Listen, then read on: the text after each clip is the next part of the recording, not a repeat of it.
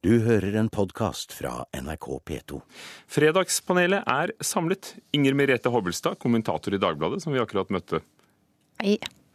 Peivi Lakso, kunstner og forfatter. God dag. Og Camilla Bjørn, leder av Rampelysredaksjonen i VG. Hei.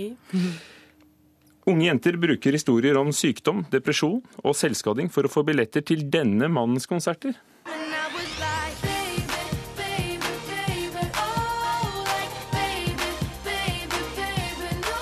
Justin Bieber. Arrangørene varsler barnevernet, skrev Aftenposten denne uken. Men er Justin Bieber redningen for disse ungpikehjertene, Inger Merete? Ja. Ja. Camilla? Nei. Nei. Og likevel så skriver de inn og, og, og forteller noen ganske grusomme ting. Vi håper i om å få billetter. Ja, og det er veldig ekstremt, og det er ikke bra. Og det er bra at konsertarrangøren sender vide henvendelser. Vi har fått i VG mange rare henvendelser siden Bieber begynte å ankomme Norge, helt fra i fjor sommer, hvor han snudde hele Oslo på hodet. Eh, Men jeg tror at hvis du hadde gitt eh, Beatles-fansene sosiale medier og en e-postadresse til konsertarrangøren, så hadde du fått utrolig mange rare henvendelser. Og jeg kan selv innrømme at hvis jeg hadde hatt en e-postadresse til en konsertarrangør, eller Twitter eller Instagram på midten av 90-tallet, da jeg var Backstreet Boys-fan, så hadde det kommet utrolig mye usaklig ut av den kontoen der. Unge piker i tenåringsalder har veldig mye inni seg av krefter og ting å forholde seg til. Kroppen sin som forandrer seg. De har yrke, de har familie, de har da hormoner som surrer opp til taket. Og så har de faktisk i disse popidoler en mulighet faktisk å få ut en del energi, tanker og frustrasjoner i stedet for å skade seg selv. Eksempel så kan de like gjerne hoppe opp og ned foran en konsert og leve ut de verste fantasiene og være frigjorte i kroppslig forstand også. Hvor ofte kan man liksom skrike og hoie foran en deilig gutt? Og, og, og, i stedet for å bruke den energien, energien til å f.eks. knivhakke seg selv, da. Du, du får sagt det, Terje Lakso. Du får sagt det. Inger Merete Hobbelstad, popidolene. Ja. Nei, jeg tenker jo litt det samme som, som siste taler her, at disse stakkars små hormonknutene som disse tenåringsjentene er, de må jo ha et eller annet å bare la dette gå utover. Og jeg tenker at disse eh, litt sånn, egentlig litt sånn feminine unge guttene som gjerne blir sånne ungpikeidoler, de er jo nesten som sånne krukker som de bare kan helle alt de har av lidenskaper og hormoner og omsorgsbehov og alt eh, inni. Og Justin Bieber, det var deg denne gang, bare ta imot det. Så at han kan eh, fungere som en eller annen slags redningsmann for dem, det kan jeg godt tenke meg. Det som man kanskje kan spørre om nå, er om han ikke selv trenger å bli reddet litt eh, selv. Det kommer jo noen litt sånne historier om litt spesiell livsførsel fra hans side. Men det som egentlig fascinerer meg litt, er hvorfor det er alltid, som jeg var inne på, da, denne typen gutter som gjerne får denne, denne rollen. Fordi du skulle jo tro at når man begynner, og det er jo snakk om seksuell oppvåkning her, åpenbart, og at dette må få utløp på en eller annen måte. Men det er jo ikke da snakk om at de velger menn som er spesielt mandige, eller som representerer noe sånt annet eller liksom fremmed eller spennende. De velger jo gutter som er, sånn jeg ser det da, i praksis jenter. Eh, altså mer sånn ferskenhud og bølgete hår som synger sanger om kjærlighet. Ja, for, for jeg skulle til å... Ja, altså, Lakse, du som er vant til å, til å fortolke menneskelig natur og, og seksualitet i, i kunst og, og, i skriving. Hvordan er Justin Bieber blitt uh, symbolet på virilitet? Nei, altså jeg opplever jo det at her er det sånn dypere psykologiske prosesser ute og går. Det er jo et sånn folkefenomen med disse unge jentene. De løper rundt millioner av dem etter denne gutten. Og det handler jo nesten om å lete etter animus eller anima. Altså det er en slags sånn det blir på en måte en slags sånn projeksjon på all savn og hva, det, hva som mangler i livet, og, og, og smerten som man har levd med, eventuelt med foreldre eller familieforhold som er dårlige, eller at man liksom ønsker å være noe annet enn man, hva man er. Man på en måte har ikke kanskje lært å lytte innover seg selv og, og på en måte følge sin egen sunne seg, og så er man i stedet der for å liksom tilfredsstille hele verden og tro at man skal være inne i en eller annen sånn fasong. Herregud, man blir gal av det. Det er godt å rope litt foran en mann som heter Justin. Men, men det betyr jo ikke at det blir redningen, da. Jeg tenker jo at jeg leser på et veldig sånn nyttig fora at jeg tror det er kommunikasjonen man kanskje må ha med foreldre og skolelæreren Jo da, nei, i, men, i i enden av det her, som er positivt. ja. Fordi vi så jo f.eks. da han kom til Oslo i fjor sommer, det var jo i ferd med å sette livet i fare. Og det skadet biler, og det skadet eh, Og det satte veitrafikken vår i fare. Altså, ten, altså jeg holdt jo nesten på å bli utbrent jeg etter en uke i VG. Men- Nei, men man nei, men man må Nei, er- det, Man skal ikke undervurdere bilbørsene. Altså, dette her er, dette er noe vi aldri har sett Det er før. For de har en mobiliseringskraft med de sosiale mediene som eh, ikke kan sammenlignes Og er med noe. interessert i alt, for i, i Rampelysredaksjonen din, under saken om TV-stjerne vant pris for årets kløft, så har dere saken om at Justin Bieber er politianmeldt av naboen. Alt er interessant ved Justin. alt av Justin akkurat nå er det interessant, ja. Men unge Dere vet det finnes Ja. en side som heter 'Lesbians who look like Justin Bieber'? Lesbiske som ser ut som Det var en av Justin de Bieber, hvor de ser ut Justin bilder, Bieber, bilder av seg selv som lookalikes. Altså, nå er jeg enig i at vi på en måte kanskje ak ikke har sett akkurat dette før, fordi sosiale medier bygger opp under denne flodbølgen. ikke sant? Gjør den ekstra stor fordi man kan mobilisere og på en måte organisere eh, galskapen på en annen måte enn før. Men jeg syns også det er verdt å minne om at menadene var de gale kvinnene vi følger med guden, guden Bakkus i den oldtidens Hellas, som også var kjent for sine eh, hylende, ekstatiske seksuelle utskeielser pga. denne forføreriske mannlige guden. Så menneskene vært- forandrer seg ikke. Det har vært, eh, alltid har vært kvinner interessert i popstjerner eh, fra 50-, 40-, 30-, 20-tall. Det, er- det handler om livsenergi. Og det, jeg syns det handler også om kvinnekraft. Vi må passe på. Det kommer masse unge jenter, altså. Pass på kraften deres fra Ja. en frelser Man til må ta en dem annen. alvorlig.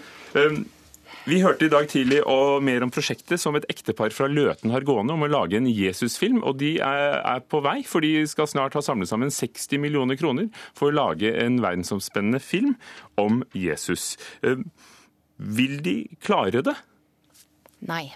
De klarer det. Camilla? Om det blir bra, det er noe. Jeg vet, hva, jeg vet ikke. Jeg må si jeg vet ikke. Jeg bryter med hele kommisjonen med ja og nei. Jeg vet ikke. Uh, Hva slags film kan komme ut av et sånt uh, tilsynelatende vanvittig prosjekt? Vi Det sa de selv òg, ja. da. Vi lever jo i så lite land, Norge og Finland og oppe i Skandinavia. Disse sjangrene når det gjelder religiøsitet, det er et enormt fenomen i USA f.eks. Det er jo fra heavy metal, religiøst heavy metal osv. Og, så videre, og alt mulig rart. Så jeg tror nok godt de greier seg Det er jo denne type halleluja-stemning og, og den her herligheten, glorifiseringen eller et eller annet noe sånt som Ja, de får kanskje fram.